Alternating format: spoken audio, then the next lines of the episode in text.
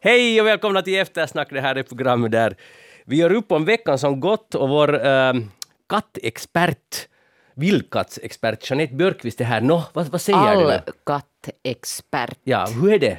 Vad är det som har spånats i Jo- Ja, nu Joensuu? vet ju alltså ingen vad Jo, du talar jag, om. jag tror att hela Finland är fastklistrat vid Det där, det där, det stod, det fanns alltså en spekulation om att det skulle vara en sån här, vad hette det, serval. Ja.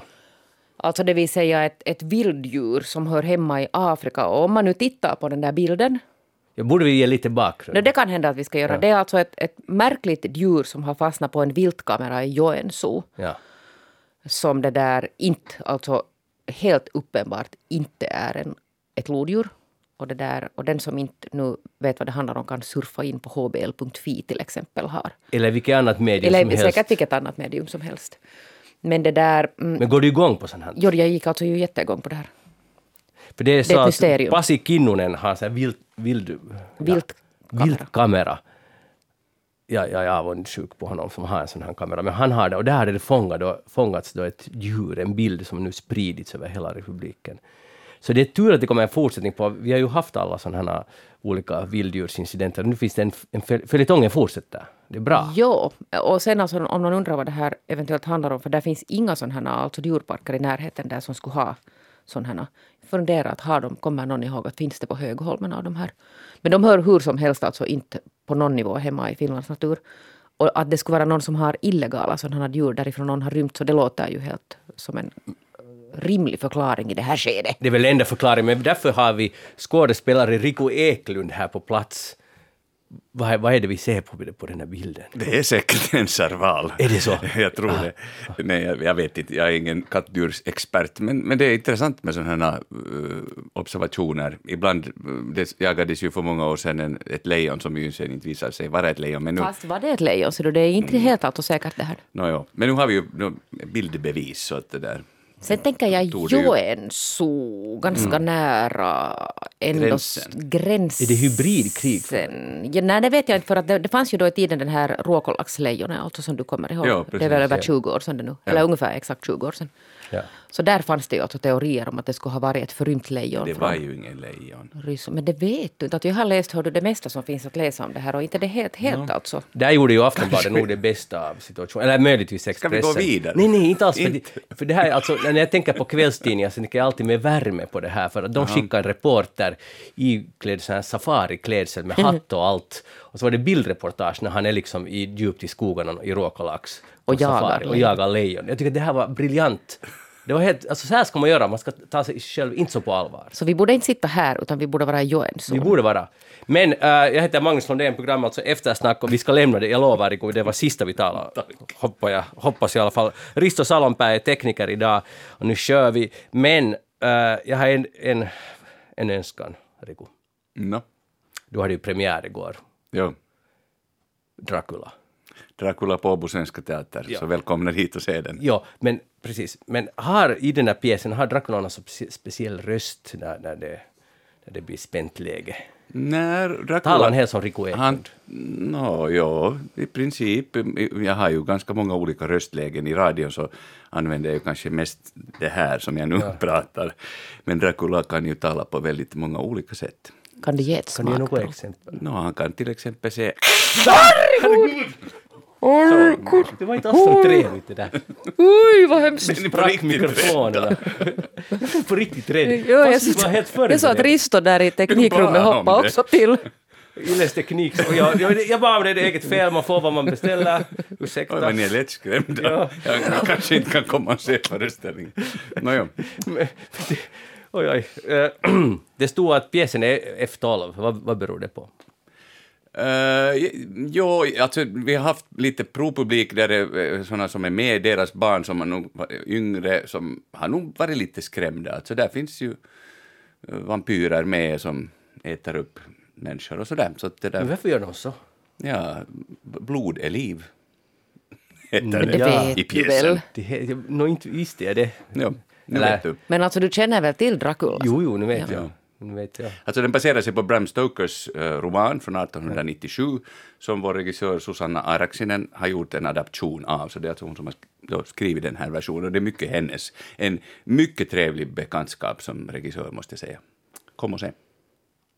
Bra, vi går vidare. Hej, eh, vårdarfacken demonstrerar som bäst i Helsingfors. De är rasande på att de, deras strejkrätt kanske tas ifrån, eller kommer att tas ifrån dem. Dels har tingsrätten redan bestämt att de inte får strejka i, alltså i, ja vad ska man kalla det, så här specialfall. Och eh, dessutom vill eh, regeringen klubba igenom ett lagförslag som skulle innebära i praktiken samma sak. Och det har gått väldigt snabbt, uh, på några dagar ungefär, uh, eftersom de hotade om strejk som skulle börja nästa vecka. Nu har de blåst av sin strejk för att domstolen sa att om ni gör det här, eller tingsrätten sa att om ni gör så här så blir det, var det någon miljon skadestånd. Så det blir nog helt enkelt ingen strejk, plus då lagen på den saken, och därför demonstrerar de. Och här i nyheterna säger de uh, att eller representanter för, för fackförbunden säger att vi lever inte i en diktatur, strejkrätten kan inte tas ifrån oss, men det görs, gör det i alla fall. Så vad tycker ni? För det är ju två, det som nu alla poängterar, två rättigheter som går mot varandra. Det finns patientsäkerheten, vi måste ha, vara övertygade om att i vårt land att det finns alltid tillräckligt med personal för att ta hand om svårt sjuka. Och sen finns det också något som heter strejkrätt och, och man får organisera sig och man får protestera. Så vilken del är rätt? Det är det här grundlagsutskottet har måste tvingats fundera på igår.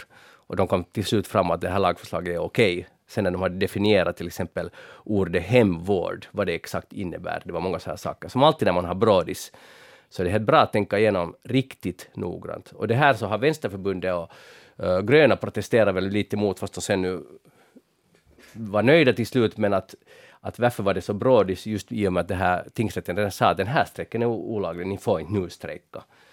Men ändå ville man ha igenom det här lagförslaget snabbt som attan. Nåja, uh, vi är ju inte experter på det här, uh, lagspråk eller det lagtekniska, men vi tar på något sätt en en tankegång, eller vi tänker kring det här, vad är viktigare? Och måste det ena utesluta det andra?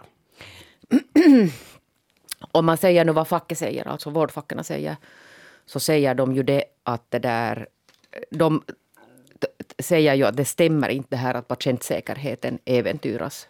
Alltså med strejken. Mm. Så säger de. Och, det där, och på något sätt tror jag nog att det är ändå ganska kapabla människor med, med insyn i hur den här vården fungerar. Och sen har de ju försökt lyfta fram, och nu måste ni komma ihåg att jag är kanske lite jävig här eftersom jag då faktiskt är dotter till en äldrevårdare och har följt med vårdsektorn hela mitt liv, ända sedan riktigt liten flicka. Uh, att vad de har försökt lyfta fram är ju det att den här patientsäkerheten äventyras varenda dag på grund av alltså skriande personalbrist. Mm. Och det där, nu när jag har läst det där i, i olika sommetrådar, när det har diskuterats, sociala medietrådar, när det har diskuterats den här, alltså just den här lagen som är på kommande. Och där ska man ju säga att man ska inte hossa med lagar. Så att jag tycker ju inte att det kanske är helt okej okay, att man hossar igenom en lag på det här sättet. Men det där, att det har varit ganska kämpigt där annars också. Och det är den här eviga alltså lönefrågan och det är den här på något sätt att, att man i åratal har försökt larma om liksom resursbrist och sånt här och ingen har riktigt lyssnat. Och att, att, att sen när man liksom försöker då faktiskt eh, göra slag i saken och, och det där strejka för att liksom driva igenom en förändring för sig själv så får man en sån här tvångslag alltså i ansiktet. Så det är nog en rad, lång rad eh, sjukvårdspersonal som inte är särskilt motiverade just nu. Mm. Rico? Ja, alltså i grunden så, så, så går ju liksom det, förstås hälsan före en strejk. Eh, men, men jag håller nog med Jeanette alltså att, att det där, utan att vara heller expert, eh, att, att det att man måste hitta en, en bra balansgång mellan de här. Och att, eh, Eh, jag är nog på, på det sättet på vårdarnas sida när, när det gäller den, den här situationen som nu är. Det, när min, min egen pappa var, var intagen för, eller flera gånger de facto här under det senaste året på, på sjukhus och, och då blev det också ganska konkret hur få de var i personalen och jag, och jag frågade då att, att, hur, att hur, hur liksom att ni är alldeles för få här, att hur klarar ni er? No, det, är nu, det är så här det är. Alltså det är ganska, ganska uppgiven stämning var det. Det och sen vet man alltså det att det där att de flesta vårdare, så det, alltså det är just att sen när situationen så kräver så drar man ju liksom så att säga från sitt eget ryggskinn att man gör övertid och man liksom på något sätt är flexi. Men vi kan ju inte i evighet alltså upprätthålla vården på det sättet att vi river det av individer som jobbar där. Mm. Men om man tar bort strejkrätten från en viss grupp, det är kanske inte en viss grupp människor, utan det är när man utför ett visst arbete. Men en möjlighet skulle kunna vara, jag vet inte, det går säkert inte tekniskt just i och med att det inte är, man gör allt möjligt, man har inte bara sådana här arbetsturer, men att man borde ju få, om man har ett yrke där man inte får strejka, så borde det vara så att säga kompenserat till exempel med en väldigt bra lön. Nej men det är ju exakt det, alltså att om det är så viktigt, vilket det ju Ja. alltså är, det är ju en av de liksom mest centrala yrkena i det här samhället. Men hur syns det inte sen då på något annat sätt än det att, att man plötsligt liksom inte får strejka? Men Att det glöm borde vara alltså en varningssignal också för beslutsfattarna. Men nu glömmer du helt att de fick de där som de ku- kunde printa ut själva, de där tackkorten. Ja, där inom Helsingfors och, Ja. och Nylands sjukvårdsdistrikt. Och så fick de ju det där, en liten löneförhöjning som sen backade, alltså en sån här engångs, sån här pott på någon hundring. Som sen backades alltså också. Mm. Vi kommer inte till någon lösning, men ni lutar lite mot att det här är problemet egentligen inte att de skulle strejka och på det sättet äventyra allting, utan problemet är mycket mer långsiktigt. Jo, men alltså nu har det ju varit nyheter, eller alltså inte nyheter, det kanske är min egen, det är jag, jag själv som, alltså när man tittar på öppna arbetsplatser till exempel, så där är tusentals eh, vårdplatser, alltså sådana här vårdarplatser som är lediga, som ingen söker. Förstår ni att, att den är alltså det är, det är fakta och, och vi måste förstå det att den här vårdapparaten håller på att krascha för att där inte finns tillräckligt mycket människor. Och att då gå alltså med en sån här stor slägga mot dem, så det är nog inte jätte alltså psykologiskt klokt. Nej. Tack Jeanette. Uh, svenska valet. Det var för en knapp vecka sedan. Chockvågorna rinner över hela Europa. Eller i alla fall verkar många hemskt överraskade Eh, som försöker betrakta Sverige på distans. Jag menar, jag läser många kolumner där man är så att wow, vad, vad är det som händer? Och det där, eh, Sverigedemokraterna blir alltså näst största parti och kommer att ha stor om det blir en högerregering kommer de ha stor möjlighet att påverka, eller kommer att påverka och ställa krav.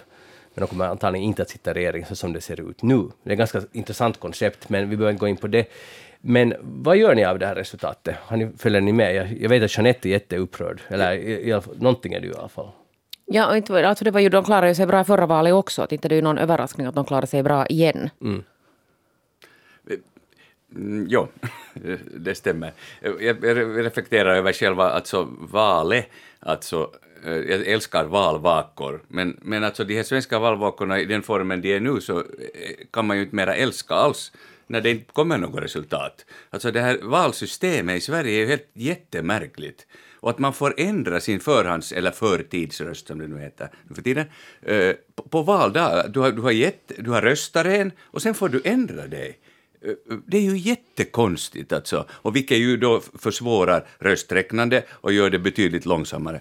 Och att man inte får ett resultat som är åtminstone nästan klart, eh, säg några, tre, fyra timmar efter att vallokalen har stängts, tycker jag är Ja, jag tycker det är liksom upprörande att en, en demokrati inte kan eh, leverera det.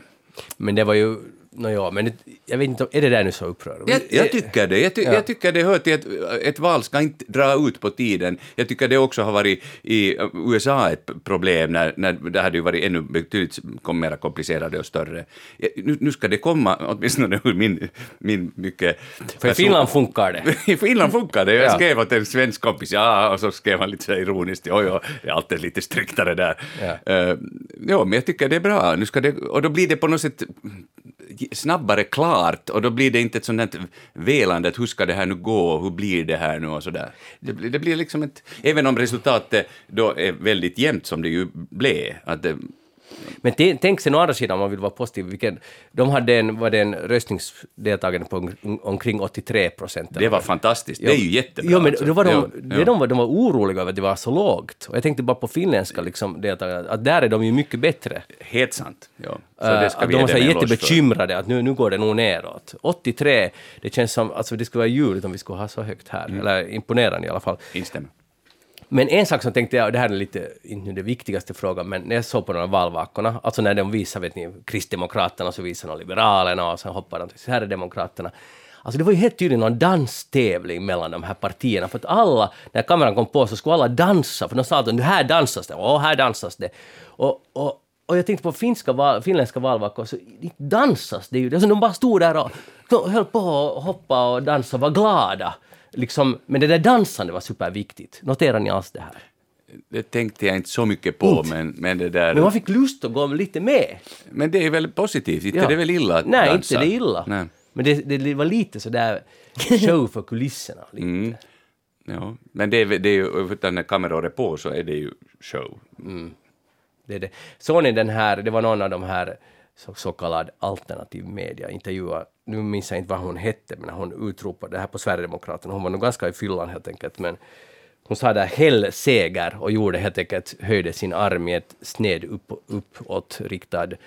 Och sen hon märkte vad hon själv sa, det här är en hell seger då, He, he, så sa hon att det är en helg, Helg- se- helgseger. ihopskrivet. Det, är liksom Ja. på, det har hänt på helgen, den här Ja, segern. en helgseger. Ett, ett nytt ord i svensk eh, vokabulär. Och då tänkte jag, nog, det blir ganska så här tydligt att vad, hur vissa av de här aktivisterna i det här partiet riktigt funderar, att de har inte så mycket spärr att de klarar av i den där glädjerusen, de måste klämma ut. Jag ur kan säga att här- Jimmy Åkesson kan göra hur mycket han vill för att, att försöka rensa dem och göra dem på något sätt så här salongsfähiga, det här partiet. Men fortfarande så vet man nog att inte säkert alla, men många som röstar på det här partiet har vissa sympatier. Men, ja. Det- ja. Du ska, man måste vara lite försiktig där, för vi talar om 20 procent av befolkningen. Symp- menar du sympatier med vad då? Med till exempel... Högerextremism med Ja, nazism. helt enkelt så. Ja. Vilket de har jag haft tycker det låter ganska tjockt att säga så. Men av de här alltså, som stöder som Sverigedemokraterna. har röstat på Sverigedemokraterna. Nå, det där vi vet ju att de har... det är alltså många som har röstat på Socialdemokraterna förra gången. Har de plötsligt blivit nazister. Nej, jag sa inte alla. Jag Ja. sa att en del. Och, det där, och vi vet det att Sverige har ett växande, alltså allvarligt antisemitistiskt problem. Mhm. Som det skrivs mycket om och rapporteras mycket om, särskilt i Malmö. Judar tvingas flytta alltså bort från Sverige för att de inte kan leva där. Och det här är alltså helt fakta, så här är det. Jo, när man läser några reportage så tror man inte det. Man bara helt enkelt, jag har läst just om den här Malmö-casen. Det, och. Jo, jo, jag håller helt med, men jag bara tänker så här att när man gör så här Men jag tror att svepande... de röstar ju inte på Socialdemokraterna om jag säger så. No, mm, de kanske inte röstade förra gången alls. Inte vet jag. Nej, jag funderar bara, men det är farligt att gå in på att vil- vilka delar är det nu, varifrån kommer den här antisemitismen inom, det, det förstås, det finns ju en växande arabisk befolkning också i, i det där Sverige, och, och där är, det är ju kanske inte så långsökt att där finns en, en åtminstone bland en del av dem, en eh, antisemitism, eh, alltså då gentemot Israel och då, och då, då får ju de svenska judarna också sin beskärda del av det. Men, men jag, som sagt, det, man ska inte kanske spekulera i det, hur, hur, hur mycket som kommer från det eller från andra delar. Vad tror ni på det här, det var en, eh, om det här? Det var en kolumn i Guardian, eh, en svensk, som skrev, och hon skrev att, att egentligen är det här kanske inte alls så överraskande, för att hon hänvisar till en gammal undersökning från typ 80-talet faktiskt, om att det, de har undersökt att hur förhåller sig svenskar, om det finns någon som är en av an, annan åsikt eller är annorlunda på något sätt i rummet, får man liksom obehag av, får man liksom illa att vara. Och enligt henne, som hänvisar den här, till den här forskningen, så jämfört med de nordiska grannländerna är det här andelen mycket högre i Sverige. Alltså, det är lite på svaga grunder, men så här beskrev hon det, att den där, det har alltid funnits under ytan, att den är väldigt tunn den där liberala fernissan där, och sen när man det, det, det tas bort så är man väldigt uh, oförlåtande mot någonting som är annorlunda, eller någonting som inte är som en själv, man får illa vara och vill ha det bort och att det här skulle vara en orsak, att det, det, finns där och har alltid funnits i Sverige. Och hon uttryckligen hänvisade, jämförde med de nordiska grannländerna. Eller hon hänvisade till den här forskningen. Uh, känslan av Sverige, det är inte alls riktigt den känslan jag har, men samtidigt, ja, man börjar ju tänka att ah, kanske det ligger... Men jag tror det ligger kanske hos oss alla, att det är ganska tunt. Om det blir ifrågasatt, och man hamnar illa ut, liksom man tror att man upplever att man är pressad, vilket säkert en del svenskar nu på något sätt upplever. Det har, det har ju så mycket fokus på det här våldet. Och de har lyckats styra in eh, valdebatten på det, att det är den där stora frågan, gängvåldet. Och då, om man känner sig otrygg och tror att lösningen är något annat än vad vi nu har, så då röstar man på ett visst Och sen fortfarande ska du komma ihåg det här att det var 20 procent. Det är inte alltså hela... Nej, det var 20 ja. Men, men var det alltså inte södra just, eh, alltså Skåne och södra Sverige där att Sverigedemokraterna gick liksom starkt framåt? De har alltså alltid varit starka där nere, alltid. Och Jimmy Åkesson kommer, kommer han från Jo, där Malmö är Sjöbo är ju alltså Ja. Men det är en liten klassiker ort där. från jättelänge Ja. Men att det är liksom... Och, och det har ju varit mycket av det här, alltså just gängvåldet i, i Malmö och så, sö, södra Sverige. Ja, men samtidigt tycker jag att om, om det skulle vara normala tider så tycker jag uh, nog att det är helt fräscht att ett parti som Socialdemokraterna måste också, deras tid vid makten måste ha paus emellanåt, för det blir så lätt en enpartistat, fast Sverige absolut inte längre är det. Men det är helt fräscht, tycker jag, att nu, okay, nu får högern testa, men problemet för mig blir det att det är just då att det har glidit så långt högerut. Att det är ju inte, liksom, det finns inte, det är inte så där jättebeskedligt, eh, vissa saker. Och nu när Sverigedemokraterna kommer att kunna uh, diktera ganska mycket. De har ju redan gått ut alltså och dikterat vad de vill med den här utlänningspolitiken som alltså helt enkelt inte alltså kommer att det, det blir nog intressanta tider att se att hur ska den här de här då moderaterna och blocken där anpassa sig utan att det där tumma på till exempel mänskliga rättigheter. Men man skulle önska att den här blo alltså blockpolitiken överhuvudtaget i Sverige att det kunde luckras upp, alltså, det har nu sagts många gånger, men att man kunde hitta också lösningar där, där, det, där man kan samarbeta liksom över, no, delvis finns det ju det, men, men liksom, just- alltså just so, socialdemokrater och moderaterna, att de också kunde någon gång finna varandra. Men jag tycker på något sätt att, jag, för, och jag, för, alltså det här är helt min hemlagade teori här i denna stund. Alltså att, att orsaken till att de har ett högt valdeltagande är det att den här politiken är enklare att förstå. Alltså partierna är enklare att förstå när det är block. Alltså det, jag tror det stämmer ganska bra, för att det upplever jag många gånger att jag, man känner sig bedragen i Finland när man röstar. Man röstar på ett parti och så går oj, det här partiet går med i en regering som man inte alls är överens om, man inte alls vill att det där partiet, eller det, att ens röst ska ha gått till det. Och sen får man lite eftergifter och sen massa... Och jag förstår att det är kompromisser och politik och det är demokrati och så vidare, men, men det känns tydligare i Sverige. Men bara att nu är det ju inte helt tydligt i Sverige, därför för att nu kan ett parti som inte går i regering och inte tyngas ta ansvar på det sättet, kan ändå diktera. Så det är ju inte helt tydligt, egentligen. Att om man röstar, man är stark, man, man är moderat och man vill att det ska vara, eller man är liberal och röstar på det, men man får ett helt annat regeringsprogram. Ja, det verkar ju nu som att de kommer... För de, har ju alltså, det har ju diskuterats mycket i Sverige det här eftersom Sverigedemokraterna har haft framgång tidigare också. Och, och första gången de hade den här, jag minns inte hur länge sedan det är, men det var ju total chock i Sverige. Och man var så, När de att, kom in i riksdagen Ja, överhuvudtaget. att då nu ska man hålla dem alltså ute i kylan och nu har man på något sätt kört den här att hålla dem ute i kylan och fortsätter alltså den linjen men jag vet inte liksom, nåja. No, det är ju Liberalerna bara som säger nu att, vi, att de släpper inte fram en så här regering. Så då, och då säger Sverigedemokraterna samma om Liberalerna, så därför sitter de båda utanför regeringen. Det blir liksom konstigt. Tredje största partiet blir statsministerparti, sannolikt. Ja, det är, det är märkligt. Det är märkli, märkligt, men äh, får ni mindre lust att resa till Sverige nu, eller mer? Blir ni Nej, vet du vad, jag älskar Sverige.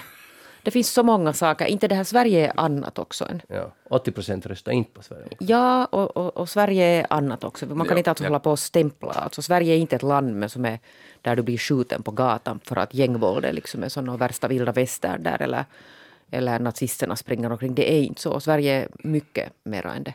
Jag fortsätter också att resa till vårt kära västra grannland. Samma här. Eh, förra veckan var det ju så att vi var inte i direktsändning och, och det var det var, det, var, det, var, för- det var för hemskt. Det är så ovanligt, vi inte, och nu var vi inte, och sen gick hon bort. Men därför, Rico Eklund, vem talar vi om?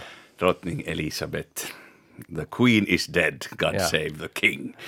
Eh, ja, eh, Kan du beskriva vad vi har här på bordet? vi har på bordet en, en, en liten miniatyr av drottning Elisabeth eh, som eh, har en liten solcell i sin handväska som gör att hon vinkar om hon får sol. Sen finns, har vi också eh, Union Jack, alltså Storbritanniens flagga som jag viftar med här nu i studion. Och så har vi också en, eh, ett, ett tredje föremål som är en dammvippa med äkta strutsfjädrar. Eh, exakt likadan så har också drottning Elisabeth städat sina slott med. Eh, jag köpte nämligen på Buckingham Palace eh, shop. Alltså du är helt otrolig. Du har gjort det på riktigt. På riktigt. Du har köpt riktigt. Jag har köpt den, ja. Eh, ja, ja, som, som ni hör så eh, jag vet, eh, har varit ett stort fan av drottning Elisabeth. Jag, är en sån där, jag tycker att det är super att Finland är en republik och att vi inte har en monarki som vi ska betala för. Men jag tycker det är jätteinspirerande och roligt att följa med en sån här gammal monarki som Storbritannien. Och, och med en sån drottning som Elisabeth var, som då regerade i 70 år och som var en sån här Eh, uh, något som gick igenom alltså de flesta människors liv, för det, det är inte så hemskt många som var äldre än hon, så, så har hon liksom funnits en, ens hela liv. och en sån här galjonsfigur eh, för, för Storbritannien förstås, men blev ju också säkert en av de kändaste personerna i, i hela världen och som ingen riktigt egentligen kände. Hon gav ju inga intervjuer sådär privat och uttalade sig egentligen, och det fick hon ju i och för sig, det får ju inte regenten heller eh, uttala sig i några politiska frågor, men hon uttalade inte sig heller i några andra frågor i motsats till, till den nya kungen, hennes son Charles den tredje som han nu heter. Eh, jag blev jätterörd när hon dog, uh, fällde några tårar. Va? Alltså uh, riktiga tårar? Riktiga sådana? Jo, jo, Från jo. ögonen rann det jo, ner? Jo, jo, visst, visst, jag förstår bra. Det som, uh, hon är född samma år som min pappa, 1926, så det kanske också hänger ihop med det lite, att, att i och med att hon dog så finns ju den där att det kommer en dag när han inte heller finns mera. Eh, men han finns och mår bra tills vidare. Eh, min mamma råkade vara i London eh, och studera engelska 1953 när drottningen kröntes, också bara en sån sak. Helt otroligt. Min farmor var i London 1911 eller 13, kommer jag inte ihåg, när drottningens farfar och farmor, alltså Queen Mary och King George, deras stora kröning. Så jag har kvar den där biljetten från farmors eh, stand där hon stod och följde med det här kröningståget. Okej, Rico. Jag måste, eftersom det finns risk att du fortsätter för länge. Jag kan fortsätta. Ja, jag kan men tala. stopp. Har vi inte en halvtimme kvar ännu? Jo, vi har, men vi har mycket annat. Men jag vill fråga, för du sa att, att, det, att hon har varit så inspirerande. Så vad, vad lägger du in i det ordet? Vad menar du egentligen? För du vill inte ha en monarki i Finland, men Nej, hon har nej, på något sätt det, det, är inspirerat lite dig. som en, det är lite som en saga, det är, lite, det, Mm. det är som fiktion, fast det är ju verklighet. Alltså, det skulle vara härligt någon gång att, jag var, jag var så liten då, alltså, vänta nu, 70, 1976 var hon i, i Helsingfors, så då, det, det har jag ingen minne av att jag skulle ha noterat eller komma ihåg. Ehm, men, men annars har hon funnits och, och jag, när jag var i London så har jag brukat åka till Buckingham Palace och tänka sådär att kan tänka om hon skulle komma ut på balkongen och invitera mig på te, det skulle vara så trevligt. Det, har, det var nog säkert nära. Det var väldigt hon var nära. upptagen bara. Ja, på Windsor Castle har jag också be- besökt. Och så här. Men det, det, det, är någonting, det är någonting av en sån där en saga som finns på, i verkligheten Mm. och som för britterna är jättedyr Ja. och, och på ett sätt förlegad. Och den är, så, alltså- den är så gigantisk om man jämför till exempel med Sveriges kungahus som är betydligt sådär eh, krympt och de är inte så många som, som får apanage och det är inte så stora slott och det är inte... Ja, alltså till exempel nu då eh, den nya prinsen av Wales, alltså eh, Charles son, så han ärvde, tror jag, var det nu 50 000 hektar eller var det ännu mera? Jo, men, du, ännu, ännu, Av- har du mage att säga att det är på ett sätt förlegat? Det är ganska mycket förlegat, hela det här systemet. Är det inte? Ja, men samtidigt är det nog väldigt fascinerande. och Jag önskar Och inspirerande. Att, och inspirerande. Jag önskar att monarkin allt mycket av välgång i Storbritannien. Men hör du, alltså, vad väcker det för känslor, det här nu med att den här Charles tar över? Han är ju inte alls nu på samma sätt sådär. Han är inte alls lika populär, eh, men i och för sig eh, tror jag att drottning Elisabeth när hon vid väldigt ung ålder blev drottning, eh, så inte, jag menar, inte blir man ju populär över en natt. Så, och han, hade, höll ett, han är otroligt bra talare. Jag vet inte om ni tittar på hans eh, tal som han höll genast Nej. efter Jag tittade bara han skulle skriva under och var jätteirriterad när bläcket No, fastnade men på varför ska ni titta på sån här skandalvideo? Det där. Nej, men han höll ett bra tal alltså, om sin, eh, mammas, över sin mammas minne och, och dr- drottningen. Det var väldigt uh, välformulerat, säkert någon annan som har skrivit det, men han är bra att uttrycka sig, alltså hur han rytmiserar, alltså så här, nu är en skådespelares synvinkel, hur han så att säga ja, rytmiserar språket helt enkelt. Får jag be om ordet här? Ja, tack. I, den här, i, den här, I din monarki så, så är det tydligen inte riktigt okej att man står och håller ett plakat att “Not my king” och så vidare, man blir bortförd av polisen. Hur är det möjligt i en, en sån här modern, de- som också är en demokrati plus monarki, att det inte liksom tillåts? Jo, det, det, det förvånar mig. Alltså, det är klart att man måste få säga sin åsikt och, och republikanerna i, i Storbritannien måste ju få komma fram.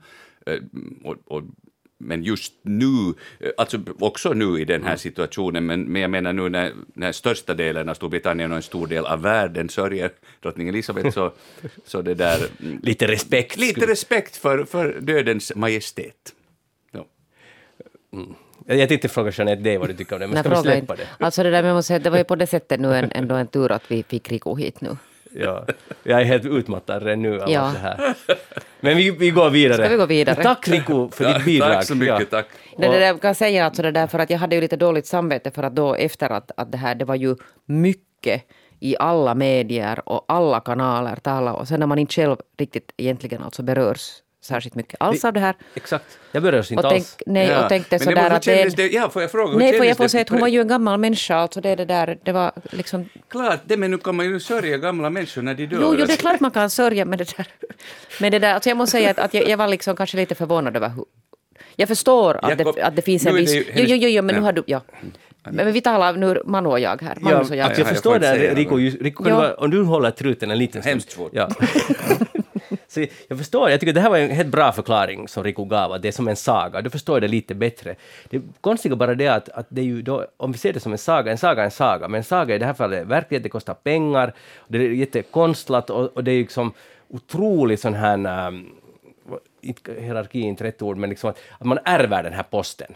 Och, och man ärver, sen ärver man 50 000 hektar. Alltså hur kan det finnas? I ett land, alltså särskilt som Storbritannien, som är kraftigt delat. Ja, så det är, jag, jag måste säga att jag tycker det ska ha tid, men det är roligt med sagor, men man borde hålla den som en fiktiv, men det skulle Men fortsätta men är- inte på riktigt. Ja, jag tänker nu när hon liksom gick hedan Ja. så kanske det nu skulle vara dags att demontera den här. Men skulle hela eh, Nej, Storbritannien han kollapsa? Sku- Är det så att man inte klarar livet utan en, en sån här? Nå, inte skulle det kollapsa totalt, men nu skulle det nu bli ett... Ja. Ja, vi går vidare. Jeanette Ja, vi Björkqvist, vidare. vad har du tänkt på den här veckan? Nu hörde jag läste det där en mycket bra kolumn av Mikael Sjövall, eh, journalist i Husis, som handlar om eh, åldersdiskriminering. Alltså han helt enkelt beskriver eh, sitt, liksom erfa- kon- sina egna erfarenheter när han har sökt jobb och hur han har behandlats på, på och kallats gubbe och det där. Eh, och sen fått höra när han har sökt något jobb att de söker något yngre. Alltså att man har sagt helt rakt åt honom att du är för gammal. Att man ska ha något yngre och, och andra sådana händelser på, på arbetsplatsen där det har varit tal om någon sån här eh, någon videofotograf och den måste vara ung för att, för att äldre förstår inte sig på si och sånt och, och det där. Och sen, sen handlar den här kolumnen då förstås om det att det där att nu är det ju underligt med den här åldersdiskrimineringen som då alltså enligt honom, om man ska tro på honom och det gör jag för att han brukar göra sin research, eh, är ganska alltså påfallande i Finland för att man tittar på sysselsättningsgraden för uh, folk i åldern 55 till 64 så är den lägst i Finland om man jämför med de nordiska länderna. Att vi på något sätt liksom inte har att den här förmågan att se att också äldre arbetstagare har mycket att ge.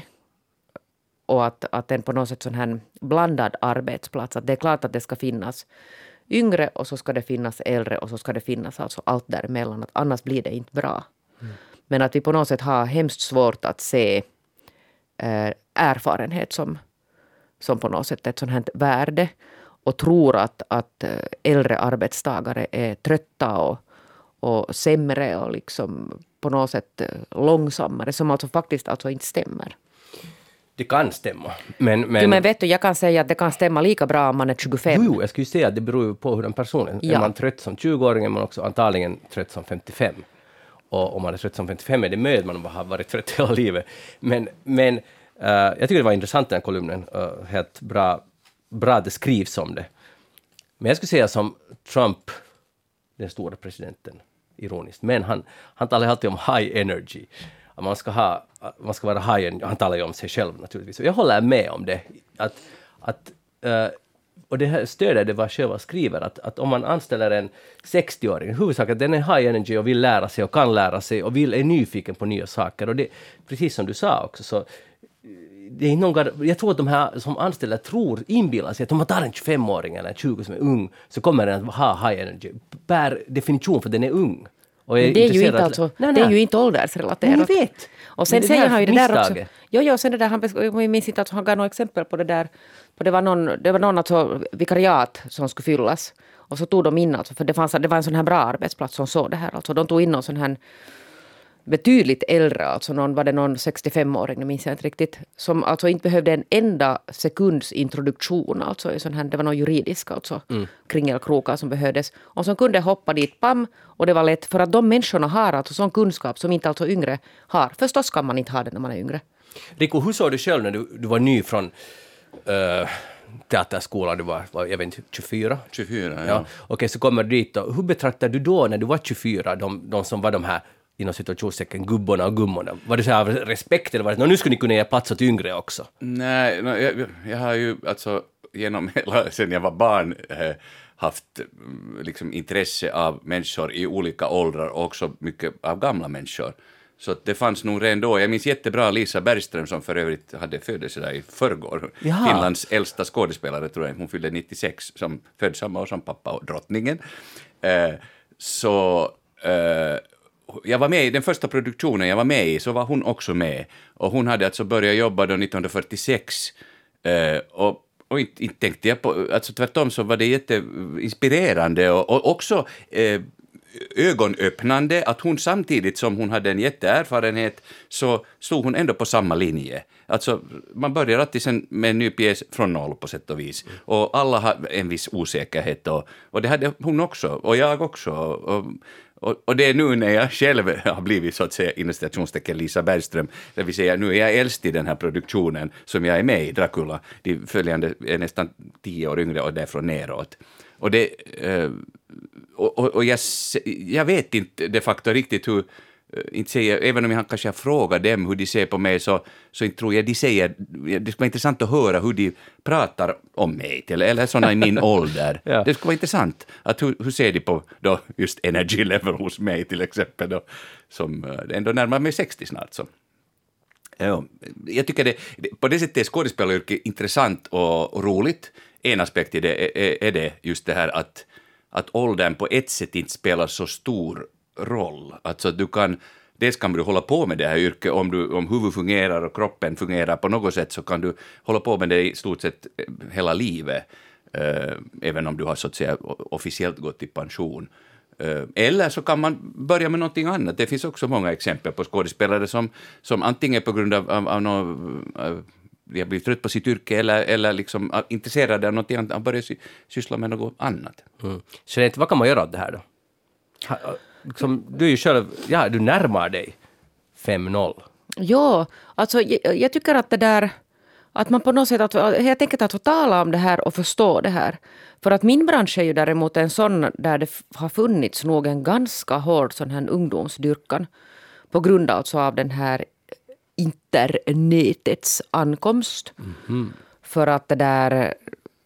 Mycket talar alltså om det här att hur man berättar och hur man presenterar och liksom hur, hur det ska göras flashigt så att det funkar på nätet. Och då finns det liksom ett antagande om att, att det där en äldre arbetstagare inte förstår sig överhuvudtaget på det här eftersom det är bara de här som är på något sätt de här digi-generationen som växer upp med det här. Men, men det Tror du där... inte det ligger någonting i det ändå? Men jag inte att om man, är upp, om man i... inte är uppvuxen med någonting så det är ju... så är det, men alltså, du måste ju komma ihåg att det finns ju alltså en sån här mellangeneration här som har, som har levt alltså det här från när det inte fanns internet till alltså, och genomlevt hela den här alltså, utvecklingen. Och sen kan man ju paketera och hålla på och fundera på liksom, upplägg på nätet hur som helst. Men när det gäller media så det spelar ingen roll vad man sätter där om inte finns alltså grundbulten journalistik alltså i det. Berättelse. Ja. Ja. Berättelsen och på något sätt den, och den är sen alltså verkligen inte på något sätt Jag är själv, alltså om jag, Åldersbunden alltså. Nej, eller tvärtom så är det ju fak fakta, det ska man kunna säga också, att en äldre journalist har förstås mera erfarenhet och perspektiv än en yngre. Mm. Och sen, sen växer man alltså, man lär sig. halleluja, det, det, det, Men jag saknar ju till exempel, vet ni, sån här, särskilt inom poli, politiken, alltså alltid när det går en sån här politisk redaktör i pension i svensk Finland så får jag ju stor sorg för att, för att det fin, försvinner sånt kunskapskapital i, liksom med de människorna alltså, som är jättevärdefullt. Alltså, de, de kan sätta liksom saker i perspektiv som är mycket värdefullt. mycket sant. Rico Eklund, vad har du tänkt på den här veckan? Nå, av kanske förståeliga skäl eftersom vi hade... Inte drottningen nu. Nej. Okej. Eh, Men jag tänkte på henne också nog. Men alltså förståeligt skäl, vi hade premiär igår, så har ju tankarna varit otroligt mycket kring den produktionen. Och de frågeställningar som den väcker, förutom att det då är en, en skräckklassiker och där finns eh, också mycket komiska element, eh, så finns där också frågor, ganska stora frågor, alltså, det vill säga om, om livet och, och det eviga livet.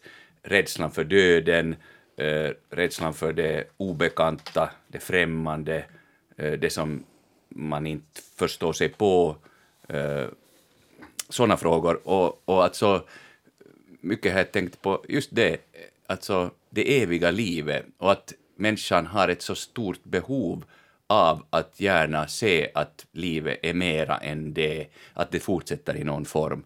Och i någon form fortsätter det, det, det, det tycker jag själv också, det vill säga att vår, eh, det vi uträttar, det vi, den energi, den kärlek vi fortplantar, eh, eller om vi avlar barn, så, så finns det ju konkret kvar, det, det finns kvar av oss.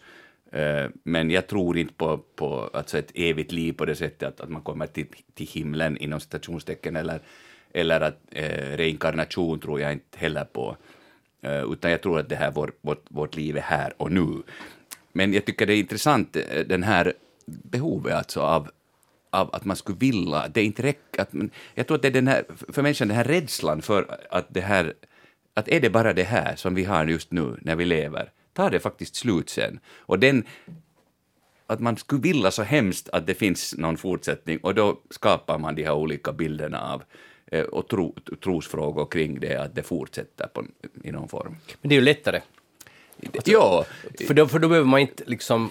För nu, alltså om man tänker sig att livet är evigt, Ja. så, så det är ju ganska tröstfullt, för då, då, då behöver man inte leva så att säga fullt ut. Man kan liksom eh, lugna sig med att det kommer, det kommer en fortsättning. Jag tror att det är lättare att leva vardagen på det Ja, men, men ja, fast, fast jag, för mig själv så tänker jag ändå att det, eh, för mig personligen så känns det lättare att tänka, inte vet jag, lättare är fel ord kanske, men, men på något sätt ändå uh, tryggt kanske är det bra ord. Att det här, livet är här och nu och jag försöker leva det så fullt ut som jag kan eh, och, och göra som, och ha eh, kontakter med människor och, och, och djur och naturen och upplevelser och, och sånt och försöka göra gott och ibland eh, på något sätt. Så att det är det som finns och att den där, det, det eviga livet är, är på sätt och vis det att livet fortsätter nog. Men, men, Genom att man minns Rico Eklund? Ja, inte behöver man minnas ens mig, men inte ens det är så viktigt. För det, det, det vad, menar, är viktigt? Vad, vad, hur lever? Att, att livet fortsätter, att, att, det, alltså att det kommer en ny generation ja, och på det, det sättet. Jag förstår. Uh, och, och, att, och att, att den här, vårt jordklot får, får fortsätta att leva fast det ser lite... Det är lite gränsfall. Dåligt emellan. ut just nu, ja. Jeanette, tänker du på de här frågorna? Tänker du så här i vardagen? Nå, nu ska jag leva fullt ut för det här är det enda liv som finns? Eller tänker du? Nå, när man blir lite äldre. så det är klart att man funderar på ja. sådana saker. Det hör väl till också sådana vissa, vissa milstolpar i livet. Mm. För, men det där... Men jag tror ju alltså, tyvärr så tror jag ju att, att det tar slut sen. Alltså, jag menar sådär för egen del. Eh, det är spännande med människor som har alltså en tro på, på livet efter som inte jag har. Ja, jag skulle fråga er båda, är ni rädda för döden? Jag säger så här att jag är nog inte färdig att dö ännu.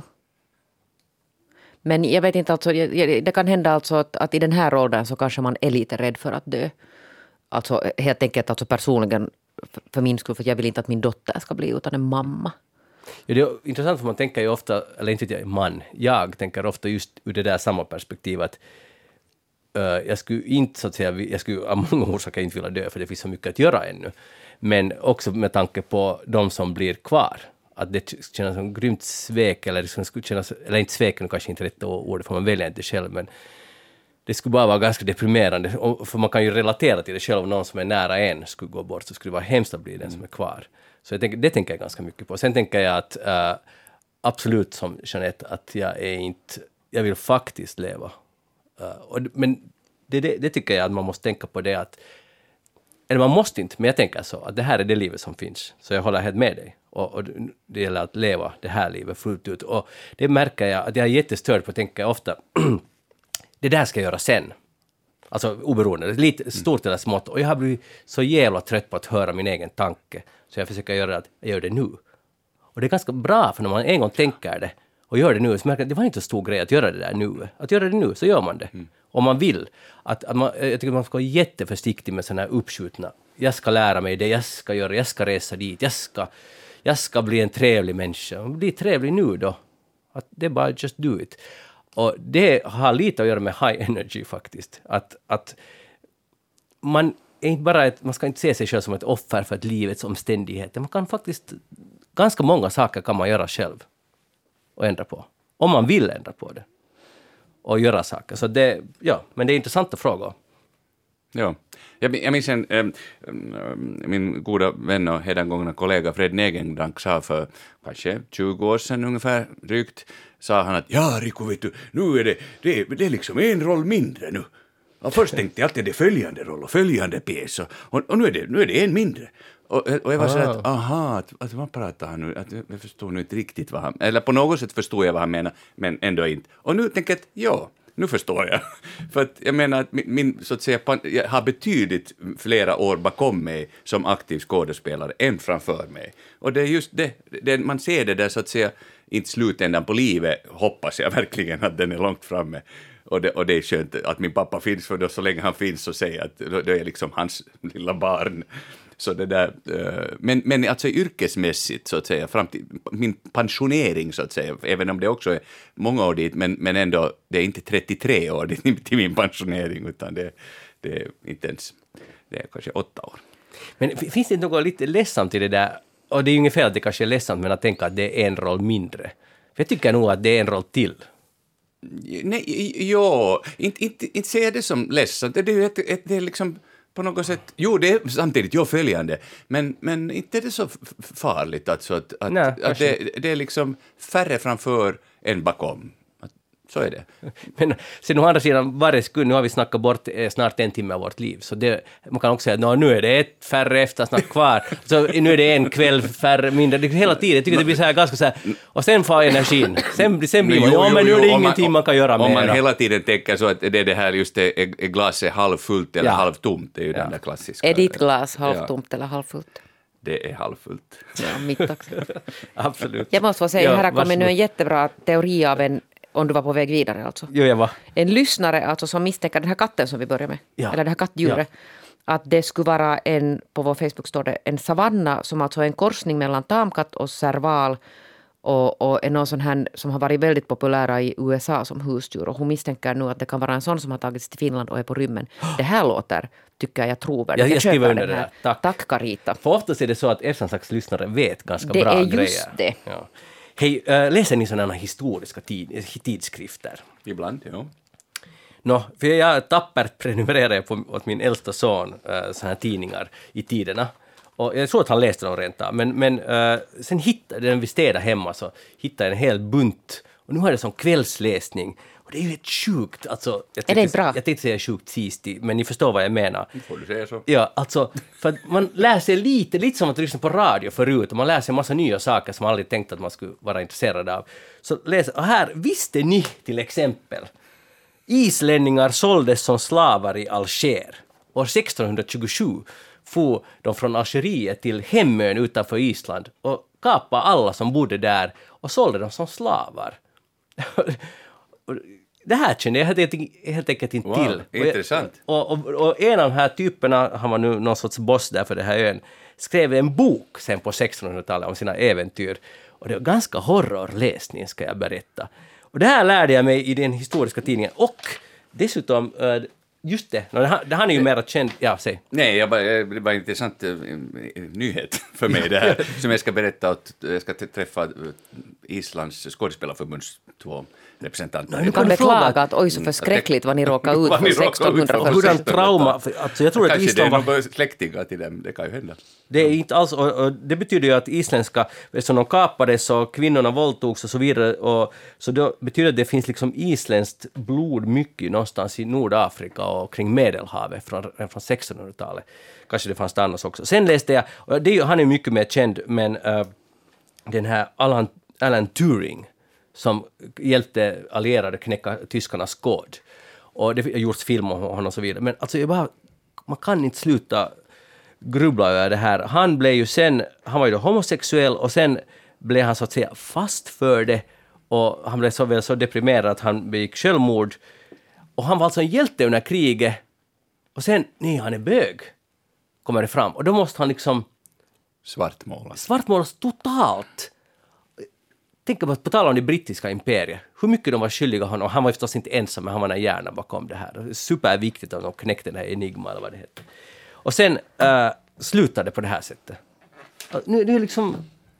Rigo, det är ditt älskade brittiska imperium. Jag vet, jag vet. En sak annars glömde jag om jag får säga en Nå, jag vet nu inte. Nå, säg. Nej, men när du undrar över min vurm för drottningen så är jag faktiskt också lite släkt avlägset med henne. Så är ju, Du är släkt. Släkten är värst. Ja, släkten. Tack. Ganska avlägset. På något sätt är jag inte förvånad. Uh, sen vill jag ännu säga, det här var på den goda tiden, de här uh, tidningarna från 2012, när det fanns vet ni, reklam för att man skulle köpa DVD. Och här, jag ska fråga vilken av de här skulle ni helst köpa? Här är det är så här KGB The Secret Files. Det finns fyra olika uh, att välja mellan. KGB The Secret KGB UFO Abduction Files, alternativ 1. Alternativ 2, The Secret KG, KGB UFO Files. Sen finns det The Secret Sex Files och sen finns, det The Secret, Secret Paranormal Files. DVD, man får den för 10 kronor, alltså en euro styck år 2012. Uh, Filmrea 2012 är rubriken här. Ring oss och beställ. Vi behöver lite, skulle man Nej, behöva. nej. Nej, det är inget köp. Här är en bild av en kvinna med en sån här skinnmössa, en pistol i handen. Det är uh, Sex Files. Sen parano Paranormal, så det är nu någon sorts Space Invader-bild. UFO-files lite motsvarande och sen, ja, no, de är de facto alla andra liknande. Så vilken skulle ni helst Jag skulle se? ta den här sexfiles för att det måste ju rimligtvis handla om sådana här ryska spioner som de har satt, alltså, kvinnliga spioner som de har satt in alltså Ja. det där via lyckats alltså lura männen. Jo, jag skulle också välja Sex Jag skulle också. Ja, man är svag i köttet. Om det, om det står sex så blir det inte intressant. Och sen den här kombinationen är ganska genialiskt. KGB och Ja. sex tillsammans. Man blir ett vad är det? Ja, och Det hur de har lyckats farligt lura, och sen är det sex. hur de har Ja. lyckats lura säkert maktens män, de här. Ja. Sen är det ju inte helt säkert att det här är riktiga dokumentärer. Jag menar, här säljs de bort för 10 kronor stycket. Och, Men det var för att de såg den här tiden komma att DVD håller på att Ja, gå det- ja, det i därför. historien. Ja. No, men, uh, hoppas den någon har sett filmen. Hör av er i så fall, för vi, är lite, vi blir ju lite nyfikna. Jeanette, du har ju en sån här fallenhet för måsar. Fiskmåsar, ja. Eller fallenhet alltså är kanske fel ord. Ett Avsky, hat skulle ja. man kunna säga. I, i, mot måsar i stan. Obs. Ja, jag, jag vet, jag vet. I Australien har de ett mycket större problem, för där finns det kakaduor. Uh, det är- ni vet vad Jo, Jo, det är sto- Ja. stora. De är relativt stora, Ja. men de är mycket, mycket smartare än våra fiskmåsar. Och det är liksom en kamp nu mellan mänskligheten, eller den australiensiska befolkningen, och kakaduorna. För de, uh, de det där... Uh, om man har en skräpkorg ute, man, har dem, alltså man bor i ett hus och så på gatan, precis som i USA, man har, där kommer uh, roskisbilen och tömmer skräpet och avfallskärl kanske det heter. Och det där, men de här eh, kakaduorna är så smarta så de har kommit på hur man öppnar locket till de här.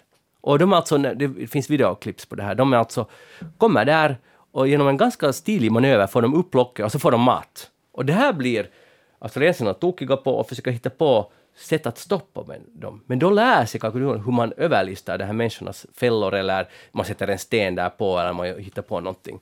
Och då kommer de på något. Så de, eh, forskningen beskriver det här som en kamp mellan fågelvärlden och människan. För Vilken båda forskning? lär sig. Va- Vad sa du? Vilken forskning. Det är forskning. Och, det där, och vad de vill visa på är att det är liksom en, en sorts kapprustning mellan fåglar och människor, kakaduor i det här fallet, och människan. Så nu, Jeanette, vem kommer att vinna den här kapprustningen? För att, det, för att komplicera det lite, så för att kunna tömma de här avfallskärren så måste de ha ett lock som går att öppna, för det, det är liksom halvautomatiskt. Det kommer liksom en bil som med en robotarm som äh, tar i det avfallskärret och tömmer det in i bilen. Så det måste gå att öppna locket, man kan inte sätta ett lås på, om nu någon tittare eller lyssnare tänkte så. På något sätt så tror jag nog att australienarna kommer att hitta på den här lösningen på hur man låser de här med det där. Inte far de, de kommer ju sen att det där hitta på andra saker, de här kakaduorna också. Det har vi ju Just det. sett på måsarna. De måste också få mat. Rigo, vem hejar du på här? Jag he- hejar på em, ett eh, jämbördigt liv. Så att både kakaduorna och människorna ska få leva kvar. Att det ska finnas plats för oss båda. Ja. Men ibland så ryms de inte riktigt på samma platser, att man ja, behöver då- olika revir så Då att säga. förlorar kakaduorna. Människan är Ser grym. du, det är samma som jag, jag, jag tycker om måsarna där de hör hemma i skärgården. Men, ja, vi har ju diskuterat det här förut, men Ja, vi ska inte Helsingfors gå in på det är en del av skärgården. Jo, men du vet att du vet. Ja, Vi ska inte börja igen. Han, har ni någonsin övervägt att ta tatueringar? Mm, Aldrig. Jo. Ja, du har, Ja, har, har du en tatuering? Nej, nej, jag har inte, men jag har tänkt att jag äh, inför min 60-årsdag sen, den kommer. På tal om gubbe, ja, fortsätt. Ja, så då tänkte jag att jag ska ta en tatuering. Ja. Och vad ska det vara på den? Just det, vad jag har inte bestämt det. Och jag, Men riktigt- ungefär i vilka banor tänker du?